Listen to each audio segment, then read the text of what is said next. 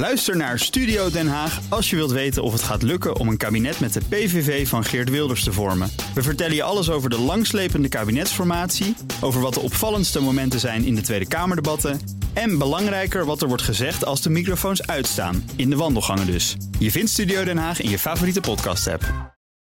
Ook eens naar deze podcast. BNR Beurs. Dat kan via de BNR-app. Met live radio en breaking news. Download hem nu. Scherp. BNR Nieuwsradio. The Big Five.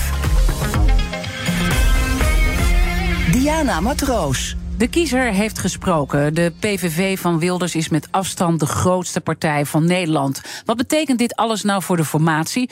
Voor de grote vraagstukken in ons land, voor onze buitenlandpolitiek, voor het bedrijfsleven, voor onze economie? Deze week spreek ik in BNR's Big Five van de nieuwe politieke fase met vijf kopstukken. En vandaag sluit ik de week af met een bijzondere gast, Annemarie Jortsma. Natuurlijk voormalig minister, ooit de eerste vrouwelijke vicepremier, voormalig burgemeester van Almere en tot uh, deze zomer fractievoorzitter van de VVD in de Eerste Kamer.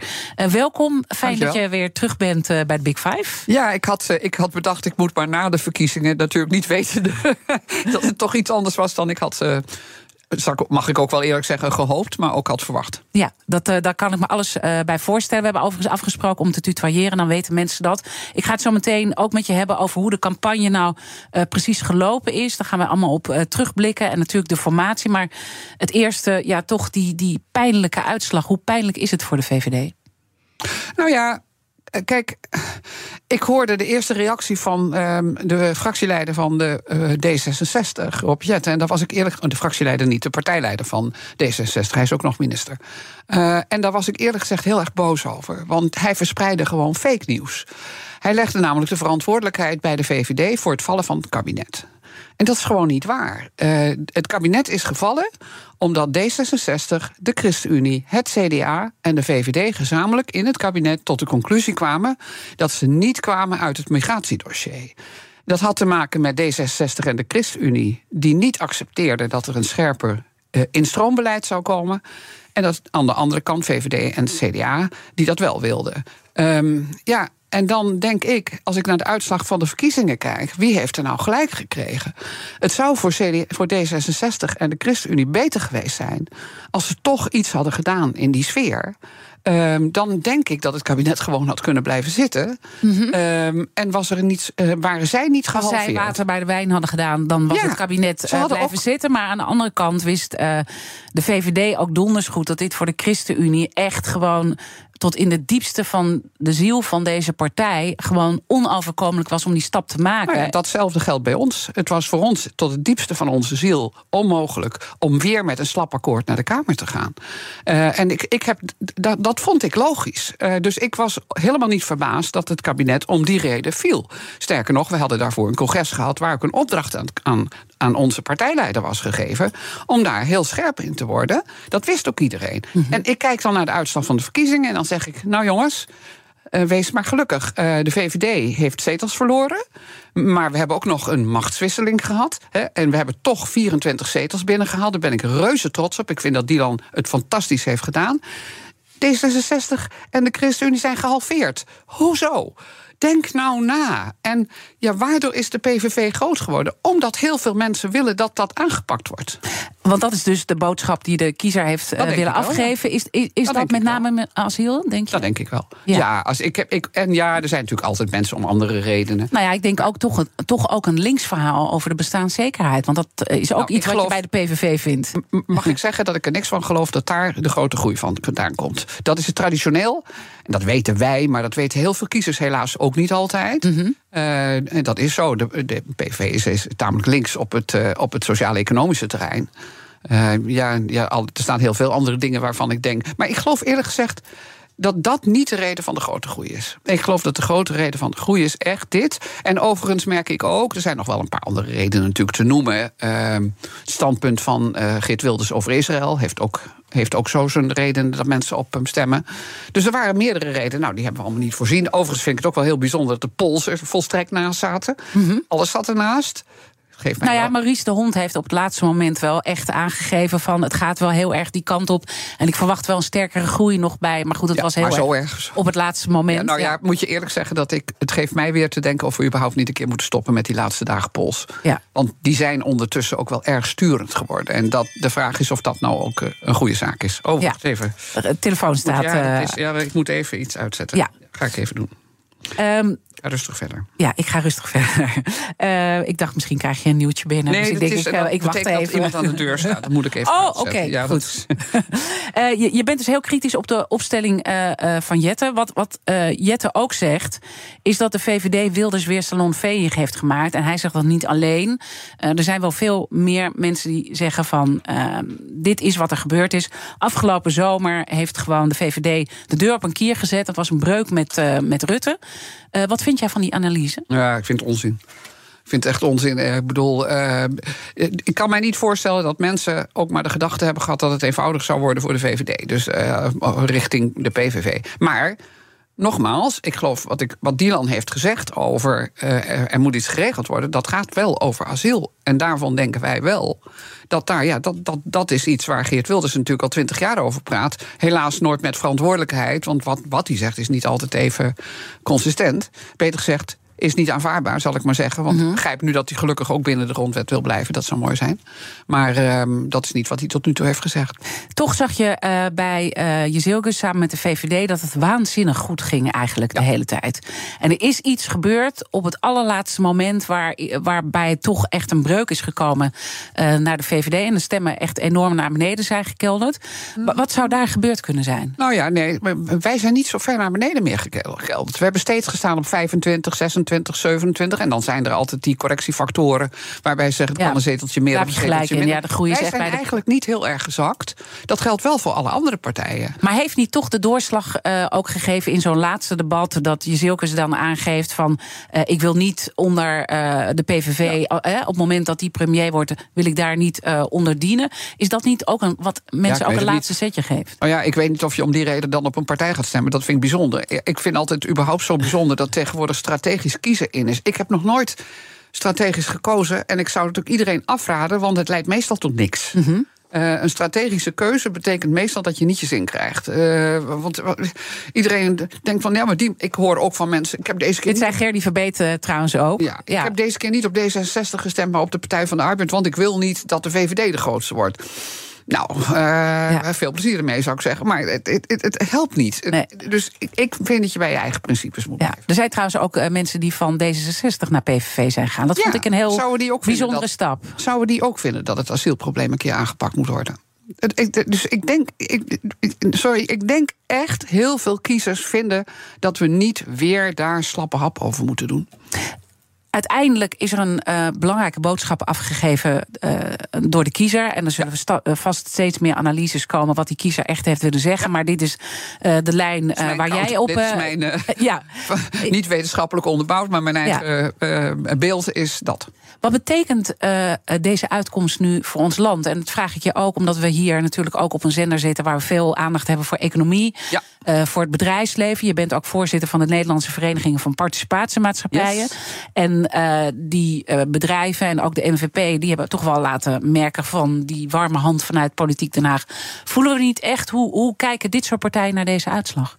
Ja, ik hoor daar verschillend over. Kijk, een uitslag van de verkiezingen is meestal niet leidend voor de uitkomst. Hè, daar komt nu dadelijk het hele proces erachteraan. En ik denk dat ehm, afhankelijk van wat er uiteindelijk uitkomt.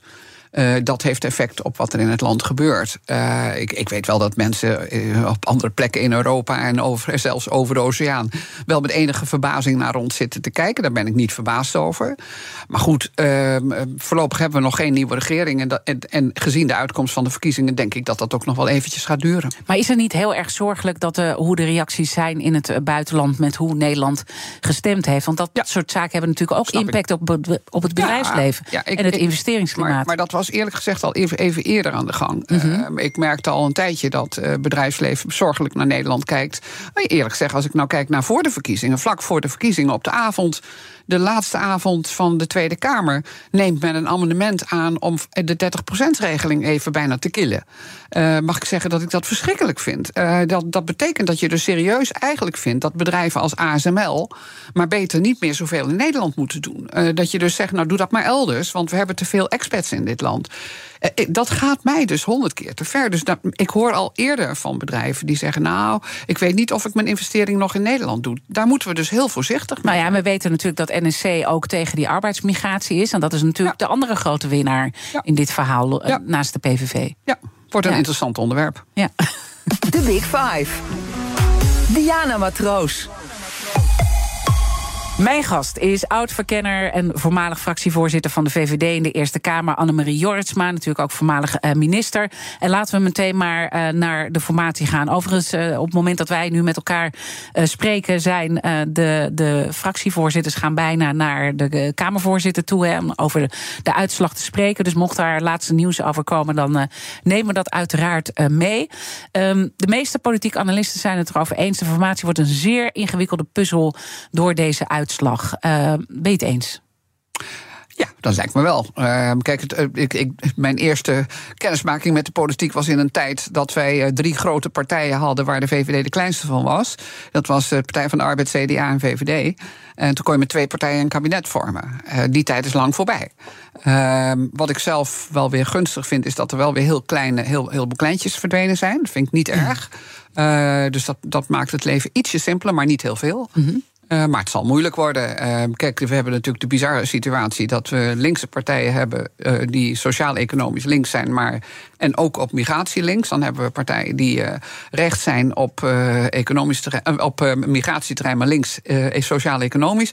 Dus het is ingewikkeld. Dus dat, ja. dat, dat is waar. Het is ja. ingewikkeld. Ingewikkeld. dus het gaat lang duren, denk je? Nou ja, ik wens de PVV veel succes, want zij moeten het voortouw nemen. Ja, zij zijn de grootste, dus zij ja. moeten het voortouw nemen. En zij zullen ook uh, met een verkenner uiteindelijk komen. Daar praten we zo meteen wel eventjes over.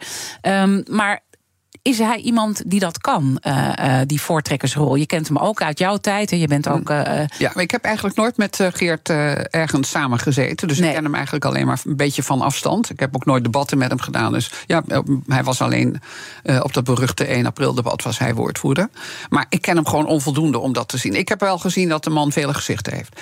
En eerlijk gezegd heb ik ook zoiets. Ik blijf lekker op afstand. Dit hoef ik nou allemaal niet meer te doen. Nee, ik ben is het ook wel lekker ja, als je ziet wat de situatie nu is? En ik heb me ook voorgenomen, ik word dus geen mastodont, zoals wij dat dan noemen. Dat zijn mensen die ongevraagd vanaf de wal uh, adviezen geven aan de zittende fractie. Mijn stelling is, die mogen dat nu allemaal lekker zelf uitgaan. Oké, okay, dus je gaat ook niet speculeren over nee. coalities nee, en dat soort dingen. Maar ik wil wel.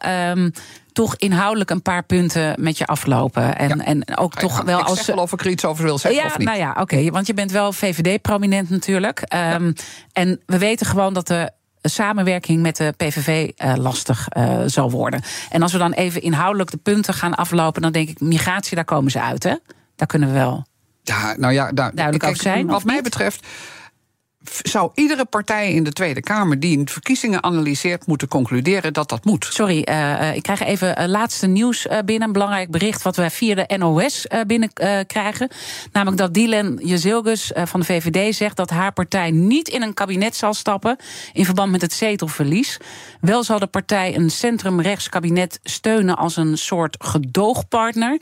Ze deed deze mededeling vlak voor aanvang van de bijeenkomst met Kamervoorzitter Vera Bergkamp. Dat zei ik al, dat gaat tijdens deze uitzending spelen, half elf, dus halverwege onze uitzending. Uh, bij deze bijeenkomst wordt natuurlijk een verkenner aangewezen en die zal op verzoek van de PVV en met instemming van de andere partijen gaan onderzoeken welke coalities er mogelijk zijn en waar de eerste gesprekken met de fractievoorzitters over moeten gaan. Maar één ding is, als ik het uh, bericht nu van NOS uh, lees, wat me een betrouwbare bron lijkt, is dat de VVD dus nu zegt dat haar partij niet in een kabinet zal stappen in verband met het zetelverlies, maar wel een centrumrechts kabinet zal steunen als een soort gedoogpartner. Wat nou. vind je van deze stelling ja, Want je ja, heeft nu gesproken. Van, het is de keuze van de fractie. Ik begrijp dat ze hebben gisteren een fractievergadering gehad. Dus ik neem aan dat ze tot die conclusie zijn gekomen.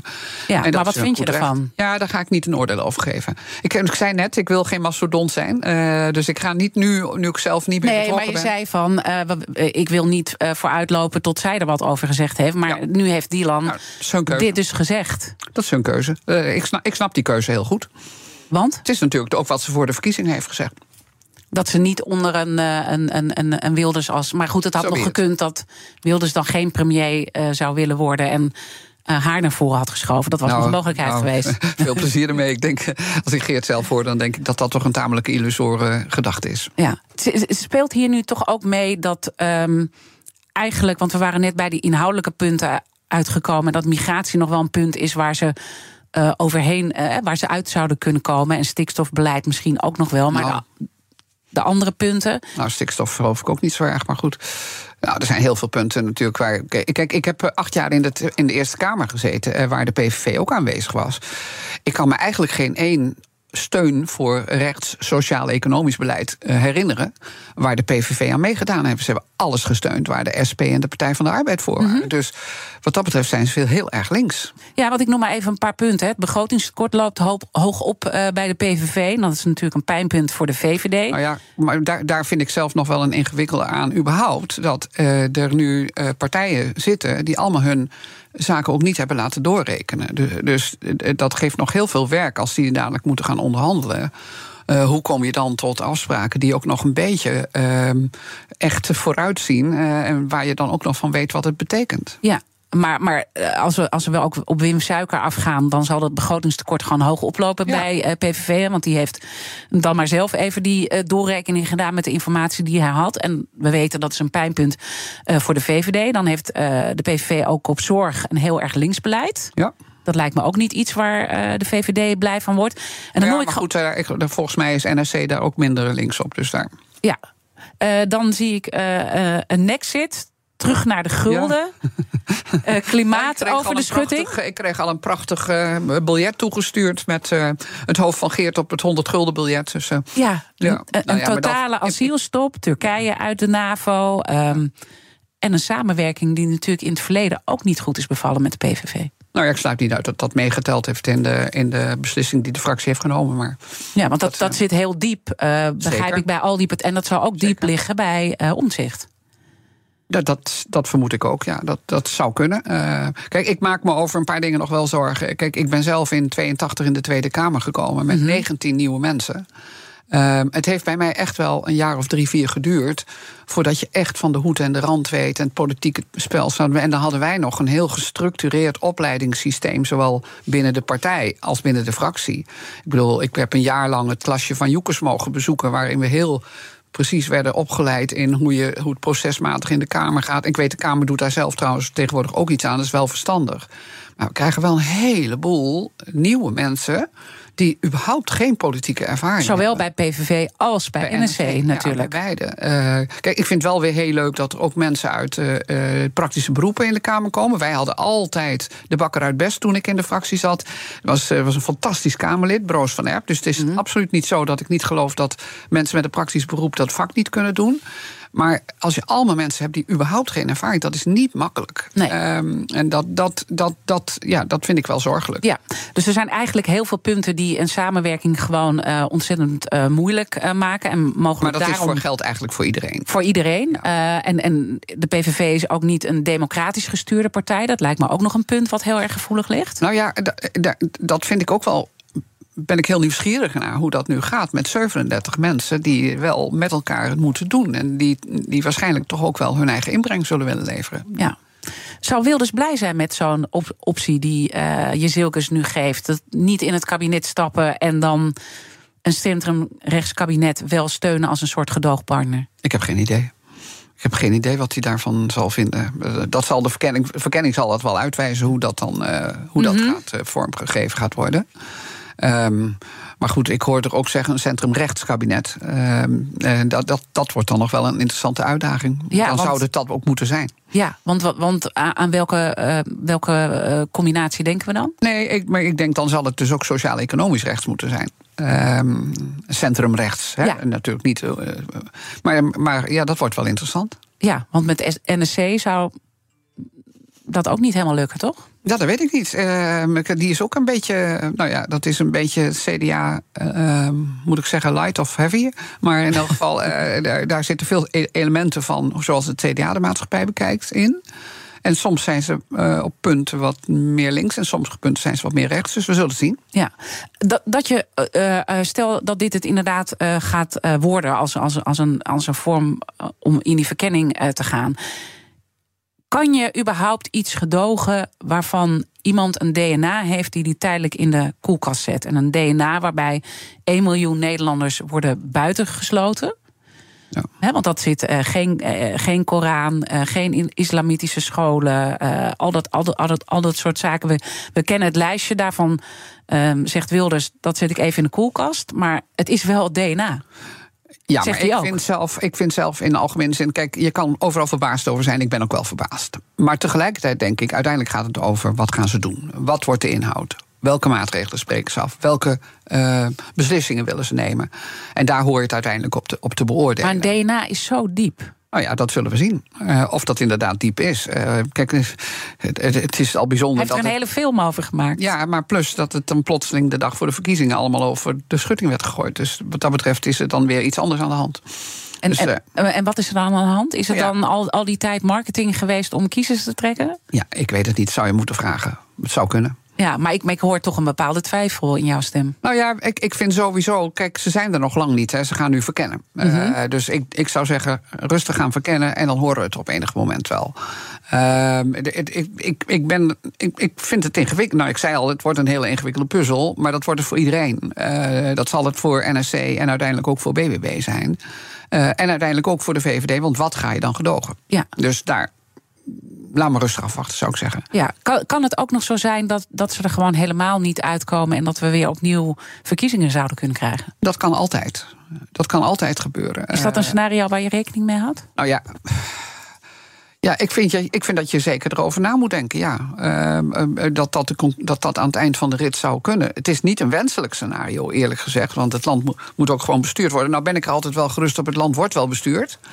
Uh, ja, ik heb wel eens grappenderwijs gezegd dat ik vrees dat Mark Rutte tot zijn pensioen demissionair minister-president moet Is niet zo goed voor zijn NAVO-baan nee, natuurlijk. Dat zou, nou ja, voor zijn, voor, ik, ik, zou heel goed voor het land zijn als hij baas van de NAVO werd, zal ik maar zeggen. Uh, nee, ik gun het hem niet hoor, of ik wens het hem niet toe uh, dat hij dat moet doen. Uh, maar, maar ja, nogmaals, de kiezer heeft gesproken en ze moeten nu gaan kijken wat kun je ervan maken. Laten we zo meteen uh, verder praten. Dan praat ik verder met VVD-prominent Annemarie Joritsma. Uh, over die uh, verkenningsfase ook. Welke stappen gaan er nu gezet worden? En daar hebben we ook een mooie kettingvraag bij van onze gast gisteren, Leonard Beekman. blijf luisteren. Ook Diana Matroos vind je in de BNR-app. Ja, inderdaad. Je kunt live naar mij luisteren tijdens de Big Five. Ook handig in de BNR-app. Breaking nieuwsmeldingen, maar ook het allerlaatste zakelijke nieuws. En je vindt in de app alle BNR-podcasts, waaronder Wetenschap Vandaag. Download nu de gratis BNR-app en blijf scherp. Blijf scherp. BNR Nieuwsradio. The Big Five. Diana Matroos. Welkom bij tweede halfuur. Deze week praat ik met vijf kopstukken over de nieuwe politieke fase van ons land. En die fase wordt steeds duidelijker, want de kiezer heeft heel duidelijk uh, gesproken. Een rechtse, uh, uh, dat we een rechtse kant op moeten. Eerder deze week sprak ik er al over met econoom Bas Jacobs over de nieuwe economische plannen, ook van de grootste partijen. Welke impact dat allemaal heeft, het is terug te luisteren via onze BNR-app. En mijn gast vandaag is voormalig vicepremier, voormalig minister voormalig fractievoorzitter van de VVD in de Eerste Kamer, Annemarie Joritsma. En komend uh, half uur wil ik in ieder geval nog twee onderwerpen met je bespreken. Je visie op de nieuwe politieke fase en de verkenning. Uh, laten we daarmee uh, beginnen, want dat is op dit moment ook actueel. Op het moment dat wij met elkaar spreken, zijn alle beoogd fractievoorzitters die gaan naar Vera Bergkamp toe, de Tweede Kamervoorzitter, om aan te geven hoe ze die verkenning in willen gaan. En in het eerste half uur dat we met elkaar spraken kwam natuurlijk het laatste nieuws naar buiten dat Jezilgus heeft aangegeven, leider van de VVD, ook uw partij. De VVD wil niet in een kabinet, maar eventueel wel als gedoogpartner van een centrum rechts. En ik zie ook intussen staan minderheidskabinet, dat, nog uh, tussen haakjes uh, staat. Dus daar worden al wat mogelijkheden aangegeven. Het nieuws was net heel erg uh, vers, dus bij ons ook allebei een beetje verder ingedaald. Um, kan je het goed begrijpen dat zij dit ook doet, ook van het zetelverlies wat zij daarbij als reden noemt? Nou, het is in elk geval heel consistent met wat ze tot nu toe heeft gezegd. En als ik het die land ken, dan wil ze ook graag consistent zijn. Uh, dus wat dat, het zou heel raar zijn als ze nu plotseling een grote draai zou hebben gemaakt ten opzichte van wat ze voor de verkiezingen heeft gezegd. Dus ik, ben, uh, ik kan het begrijpen. En de fractie heeft daar blijkbaar gisteren toe beslist. Uh, want zo gaat het gebruikelijk. Hè? Ja. We zijn bij elkaar geweest. En, ja, maar kan je ook zeggen dat het gewoon ook bij de partij. Um, heel diep zit, of misschien ook een verdeeldheid wel of niet samengaan met Wilders. Dat het toch nog heel uh, gevoelig ligt. Want Mark Rutte heeft altijd de deur dicht gehouden. En dit ja. is een, een, toch een draai geweest wat we in het afgelopen half jaar hebben gezien. Door die nou, daar deur werd, daar werd te vooral gezegd van uh, we zouden kunnen samenwerken op het terrein van asiel. Dat is eigenlijk altijd wat er gezegd is.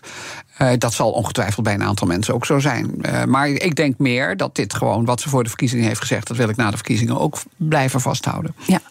Um, Iets anders is natuurlijk dat DNA van uh, Wilders, waarvan hij zelf heeft gezegd dat doen we in de koelkast. En nou heeft uh, Frans Wijsglas vandaag op deze zender gezegd, natuurlijk voormalig uh, oud-Kamervoorzitter bij Bas van Werven vanochtend in de ochtendshow. Eigenlijk zou je meteen aan het begin.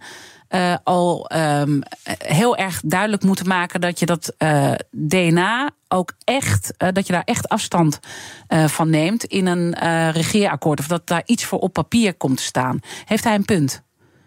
Nou ja, kijk, het boeiende, ik zie dus dat de, dat, dat, zal, nou, dat komt allemaal veel later. Hè. Voordat er een regeerakkoord komt, zijn we echt wel eventjes verder. Mm -hmm. Maar ik denk dat niemand de opvattingen deelt die de heer Wilders daarover tot nu toe heeft gezegd. Dus uh, de, de, ongetwijfeld komt daar iets over op papier op enig moment. Maar ja. wanneer dat is, uh, ja, dat gaat echt nog wel eventjes duren, denk ik. Ja. Snapt u dat uh, een heleboel Nederlanders zich niet meer welkom voelen op dit moment in Nederland? Nee, dat snap ik niet. want uiteindelijk heeft de, de PVV 37 zetels. En alle andere partijen vinden dit niet. Dus dat betekent dat er een grote meerderheid is in het parlement en overal eigenlijk om dit niet te vinden. Dus dan hoef je ook niet bezorgd te zijn dat het ooit zover zal komen. Daar zal de VVD zich niet voor lenen, maar daar zal de NSC zich niet voor lenen, daar zal BBB zich niet voor lenen. En we leven en uiteindelijk ook in een coalitieland. We leven in een, coalitieland en we leven in een democratie. Dus ik zou zeggen dat mensen uh, geruster mogen zijn. Um, en dat, dat, dat. Kijk, ik ben ook bezorgd over sommige andere dingen. Uh, ik word ook bezorgd als ik uh, From the River to the Sea op dit moment hoor. Er is een enorme polarisatie op dat terrein aan de gang. Ook niet goed. Nee. Uh, en, daarvan zeg, en, en, daarvan zeg je ook van. Uh, ik denk dat de PVV daar ook best wel wat stemmen door heeft gekregen. Ik vermoed dat daar best uh, behoorlijk wat stemmen vandaan gekomen zijn. Dat, er zijn heel veel mensen die vinden dat, dat wij te genuanceerd zijn over Israël. Daar ben ik het niet mee eens. Ik, vind dat, ik ben een absoluut voorstander van de staat Israël. Ik ben op voorstander van een twee-staten-oplossing. Maar ik vind ook dat uh, Israël zich natuurlijk wel aan het oorlog, oorlogsrecht dient te houden. Waar we overigens niet van weten of ze zich daar niet aan houden. Ja. Uh, maar maar ik, um, ik, ik kan wel. Kijk, en Geert is uh, alleen maar voor Israël. Heeft natuurlijk een andere reden ook. Omdat hij iets tegen de islam heeft. Maar tegelijkertijd zie je nu daar een enorme polarisatie ja. optreden die niet Terwijl goed hij tegelijkertijd zegt: ik, ik, heb, uh, uh, ik zet dat islampunt zet ik eventjes uh, in de koelkast. Terwijl ja. dit dus toch heel erg. Ja, dit, dit blijft toch wel. nou ja, ik, bedoel, heel... iedereen mag zijn eigen denkbeelden hebben. Maar ik vind het gewoon zelf heel erg moeilijk dat ja. iemand zegt: dit is mijn DNA, dit blijft ook mijn DNA. Ja. Uh, maar ik zet het even in de koelkast. Dat is toch iets wat gewoon niet kan? Ja, en dat, is toch gewoon een We sprookje? zullen het zien. Ja, we zullen het zien, want dan, dan, dat zal dan ergens naar buiten moeten komen. Ja, maar we zullen het zien. We moeten natuurlijk wel, uh, uh, lijkt me dat onze politiek leiders daar nu wel duidelijke afspraken. In die zin begrijp ik het punt van Frans Wijsglas al. Dan moet je dat ook duidelijk op papier, eigenlijk aan een begintraject laten opschrijven. Dat je daar toch afstand van neemt. Maar in het begin kom, worden er geen papieren gemaakt. Nee. sterker nog, dat is soms heel onverstandig om er papieren van te maken, zou ik uit eigen ervaring willen zeggen. Ja. Mooi dat je zelf nee, die knip er komen straks regeerakkoorden uh, of afspraken. En, ja, en, en dat ga je natuurlijk Maar je zou er wel in de verkenning natuurlijk op kunnen sturen. Dat dit uiteindelijk wel iets is dat wat een heel. Dat uh, zou, maar dat is aan de verkenner. En de verkenner wordt natuurlijk door de PVV aangesteld. En, en ik weet niet welke boodschappen de, de, de verkenner verder. Ik weet niet welke boodschappen de verkenner verder meekrijgt. Dat moeten we afwachten. Laten we uh, naar de kettingvraag gaan. Want ja. uh, gisteren sprak ik met onze politiek verslaggever Leonard Beekman... om toen die laatste uitslagen allemaal uh, door te nemen. En die had deze vraag voor jou. Er is veel gesproken over de verkenningsfase voor Rutte 4... Hè, bij de vorige, na de vorige verkiezingen. Eigenlijk is mijn vraag heel simpel aan, aan, aan mevrouw Jorritsma. als ze de nieuwe verkenner een paar tips zou mogen meegeven... wat staat er dan op het lijstje? Eigenlijk heb ik maar één uh, tip en dat is gewoon één verkenner aanwijzen. Um, ik, ik, bedoel, ik heb het uh, met, met Kajsa was prima. Maar het is geloof ik beter om gewoon één verkenner van één partij te hebben... die, uh, die, die de verkenning voor die ene partij doet. Um, Want? Nou, ik kreeg een beetje. Bij ons was het toch een beetje raar dat je met twee verkenners zit van twee partijen. Terwijl de coalitie uiteindelijk uit meer partijen moet bestaan. En, en, je moet natuurlijk als verkenner eigenlijk alle opties die de winnaar van de verkiezingen, en, en dat is in dit geval de PVV, gaan, die heeft om uiteindelijk uh, stabiele meerderheden te organiseren. Dat is de, de start van een verkenningsproces. Tenminste, ik, ik, neem aan dat dat de opdracht van de verkenner wordt. Ja, en, en, en de papieren misschien uh, nog nou, wat anders organiseren. Hoef je minder, dan hoef je minder op te schrijven, denk ik. ja, uh, hoe, hoe, kijk je daar uh, op terug? Want je merkte ook toch wel dat het bij ons zich nog steeds ja. diep zit. Hè? Hij zei ook van bij zijn overwinningsspeech... nou, de functie elders die is nu, ja. die is nu wel duidelijk. dat was natuurlijk een, een rechtstreekse sneer ook naar jullie werk destijds. Zeker, zeker. Ja, wat ik jammer vind is dat hij eigenlijk het liefst had dat ik gelogen had over het proces. Um, want, hoe bedoel je? Nou ja, omdat de indruk gewekt is alsof we het de hele tijd over de heer Omtzigt hebben gehad. Daar hebben we het niet over gehad. We hebben zijn naam natuurlijk wel genoemd, mm -hmm. maar het ging over het CDA. Um, en uh, ja, de, dat, dat op de een of andere manier krijgen we dat niet binnen. Maar goed, ik heb eerlijk gezegd de neiging om te zeggen: laat maar achter ons laten. Die fase is geweest. De verkenningsfase op zich is leuk. Eh, een verkenner gaat praat met alle politieke partijen. En vraagt aan hun of ze eventueel bereid zijn deel te nemen aan een kabinet. Nou, je hoort al, eh, de VVD heeft zijn advies alvast naar buiten gebracht. Dat doen ze tegenwoordig allemaal. Hè. Iedereen vertelt wat hij de verkenner gaat vertellen. Ja, ik hoop dat er tijdens deze uitzending nog wat nieuwe dingen binnenkomen. Meestal, meestal vertellen ze allemaal precies wat ze aan de verkenner uh, gezegd hebben. En dan maakt de verkenner een rapport. En die moet dan adviseren wat daarna te doen. Uh, en dan kun je dan, meestal volgt er dan een informatiefase. Maar dan gaat gekeken worden met welke partijen zou je het beste de gesprekken kunnen starten. Ja. Uh, dus daar ben ik nieuwsgierig naar wat daar de uitkomst van wordt. En, en misschien slaat heeft... de fase over. Dat kan ook nog, hè? Oh ja? Je hoeft niet noodzakelijkerwijs een verkenningsfase te hebben... als duidelijk is wat er kan of niet kan. Dan kan je ook gelijk een informatiefase ingaan. Dus het, in die zin zou het ook nog eens wel heel snel kunnen gaan... met de, de, de stap naar achteren die de VVD nu maakt.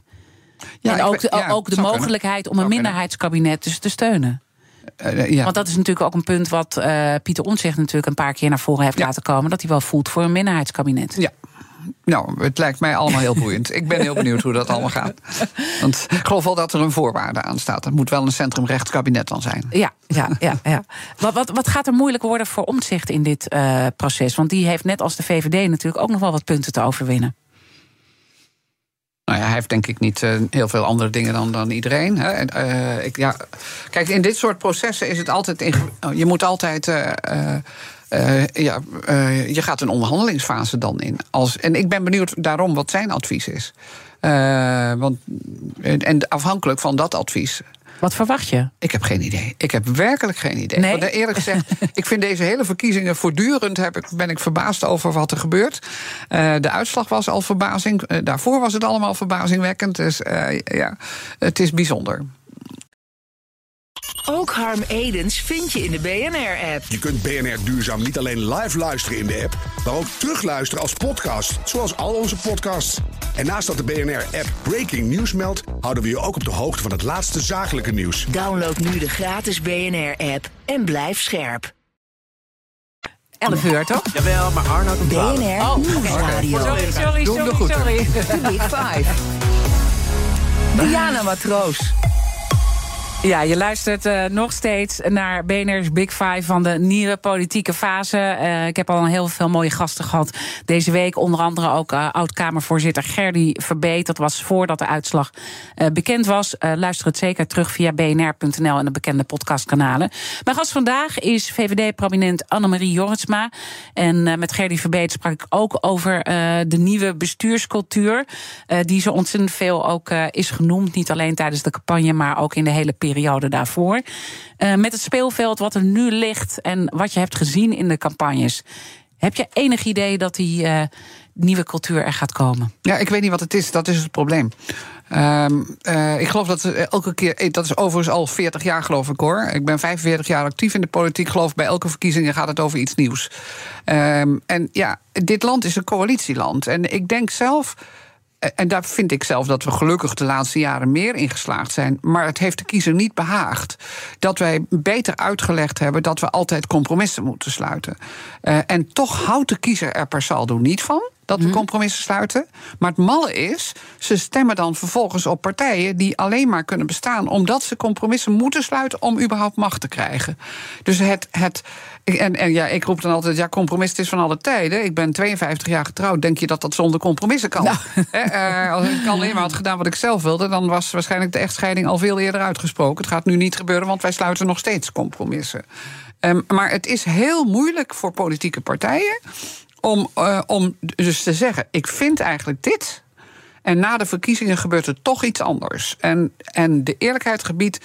Iedere partij die uiteindelijk aan de macht komt, dus um, gaat regeren, moet toch die compromissen sluiten en levert dus in op zijn eigen programma. En door dit dan uh, te benoemen elke keer, gaat de kiezer daarmee ook dan extra teleurgesteld worden? Nou, daar ben ik wel een beetje bang voor, want het suggereert alsof je die compromissen allemaal niet meer nodig hebt. En dat is niet zo. Je hebt het altijd nodig en je moet altijd goed uitleggen waarom je dat doet. Ik zeg altijd, uh, ik, dat heb ik ook wel geleerd in mijn lange carrière, dat je beter moet uitleggen waarom je het niet precies doet zoals je het in je verkiezingsprogramma had opgeschreven, of zoals je het zelf vindt. Mhm. Maar, en dan moet je uitleggen waarom dan wel.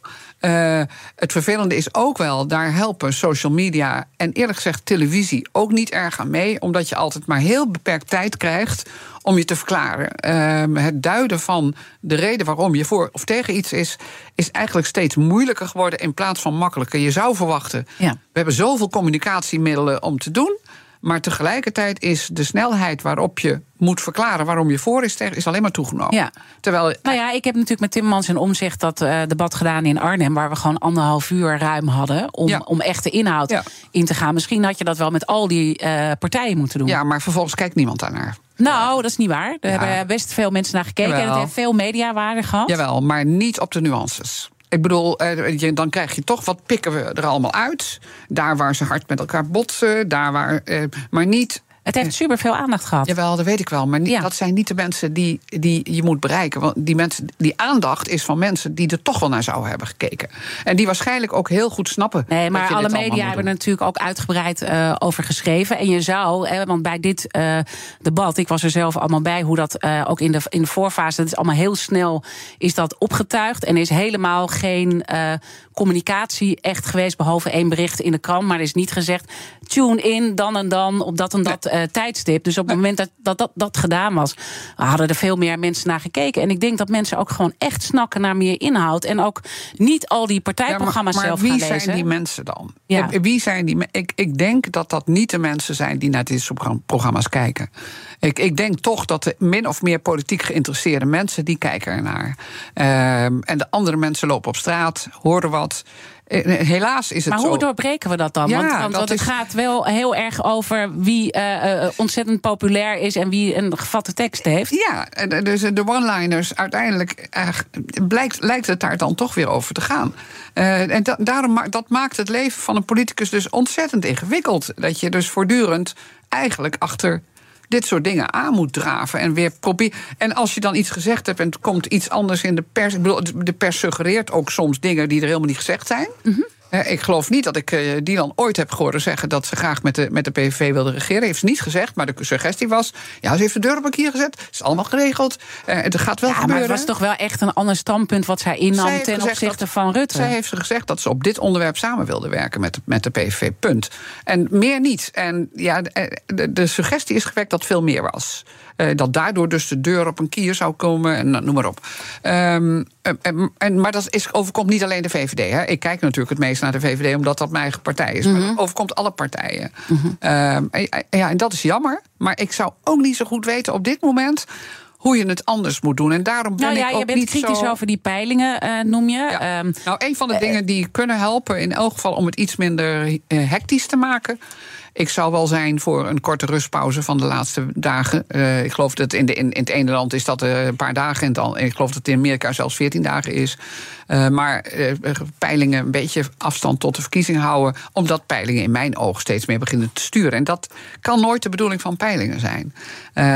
He, peilingen zeggen iets over de gedachten van mensen. Ja. Maar het is niet de bedoeling dat de mensen door peilingen op gedachten worden gebracht. Ja. Lijkt mij. Ja. Heeft het SBS-debat ook toch veel invloed gehad op de kiezer, denk je?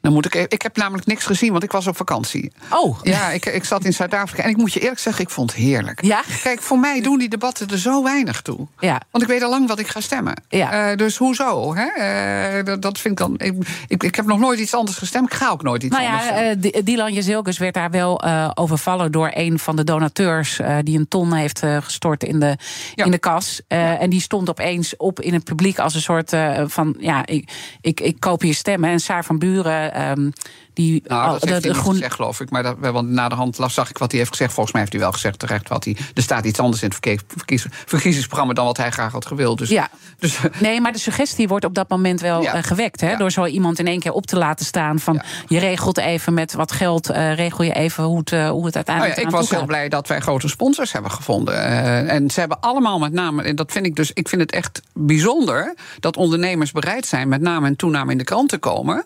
als ze een partij sponsoren. Dat, Ja. dat moet, vonden we. En wij hebben dat ook eh, helemaal duidelijk gecommuniceerd.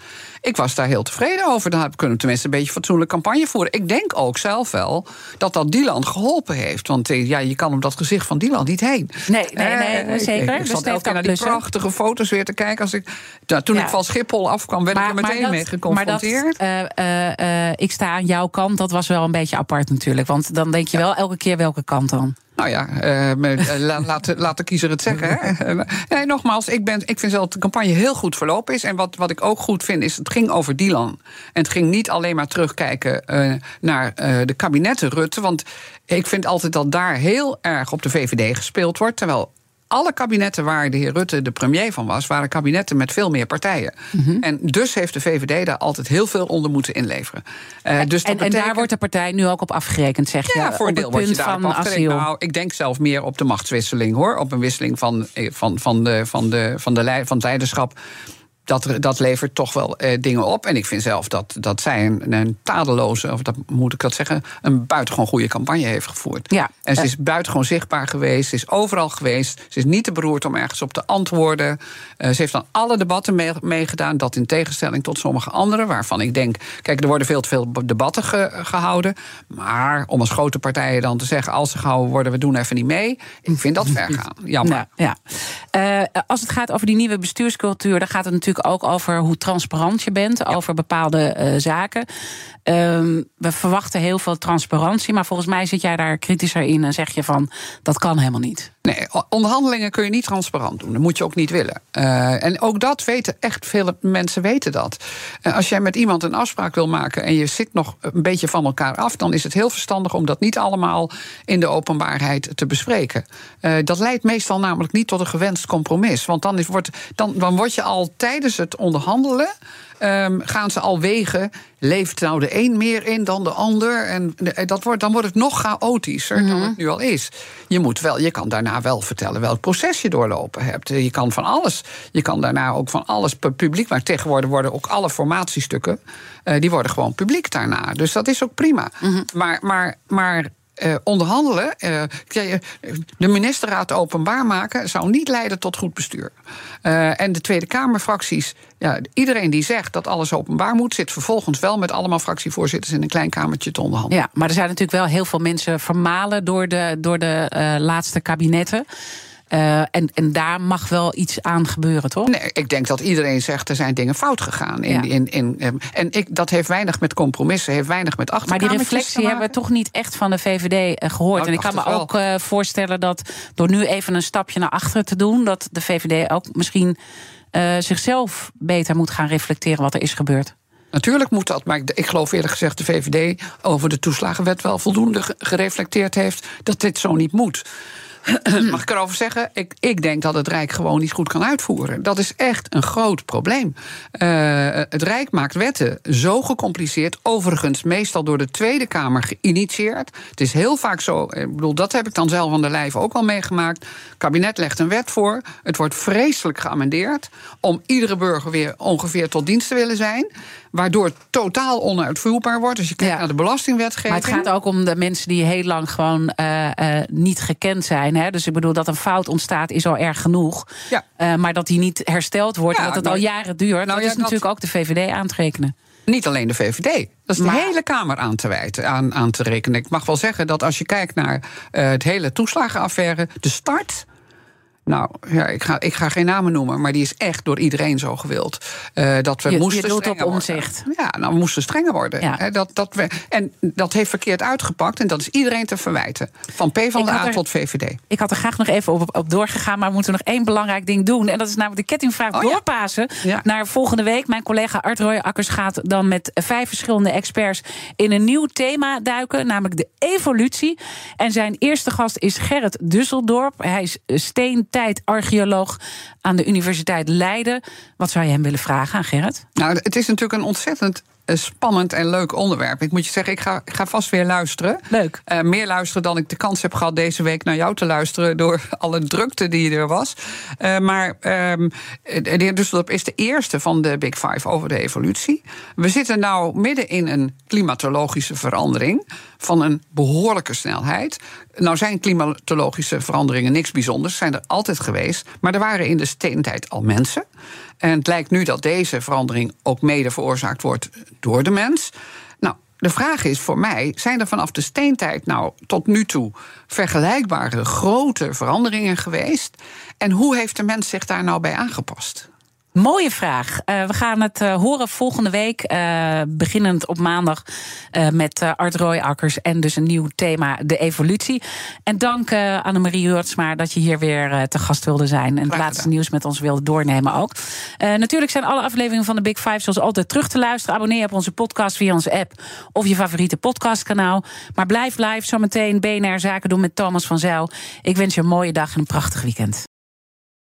Ook Liesbeth Staats vind je in de BNR-app. Ja, heel handig. Luister live naar Kees en mij tijdens de Daily Move. Dan blijf je ook gelijk op de hoogte van breaking news en het laatste zakelijke nieuws. En daar vind je ook alle BNR-podcasts, waaronder de Perestrooikast. Download nu de gratis BNR-app en blijf scherp.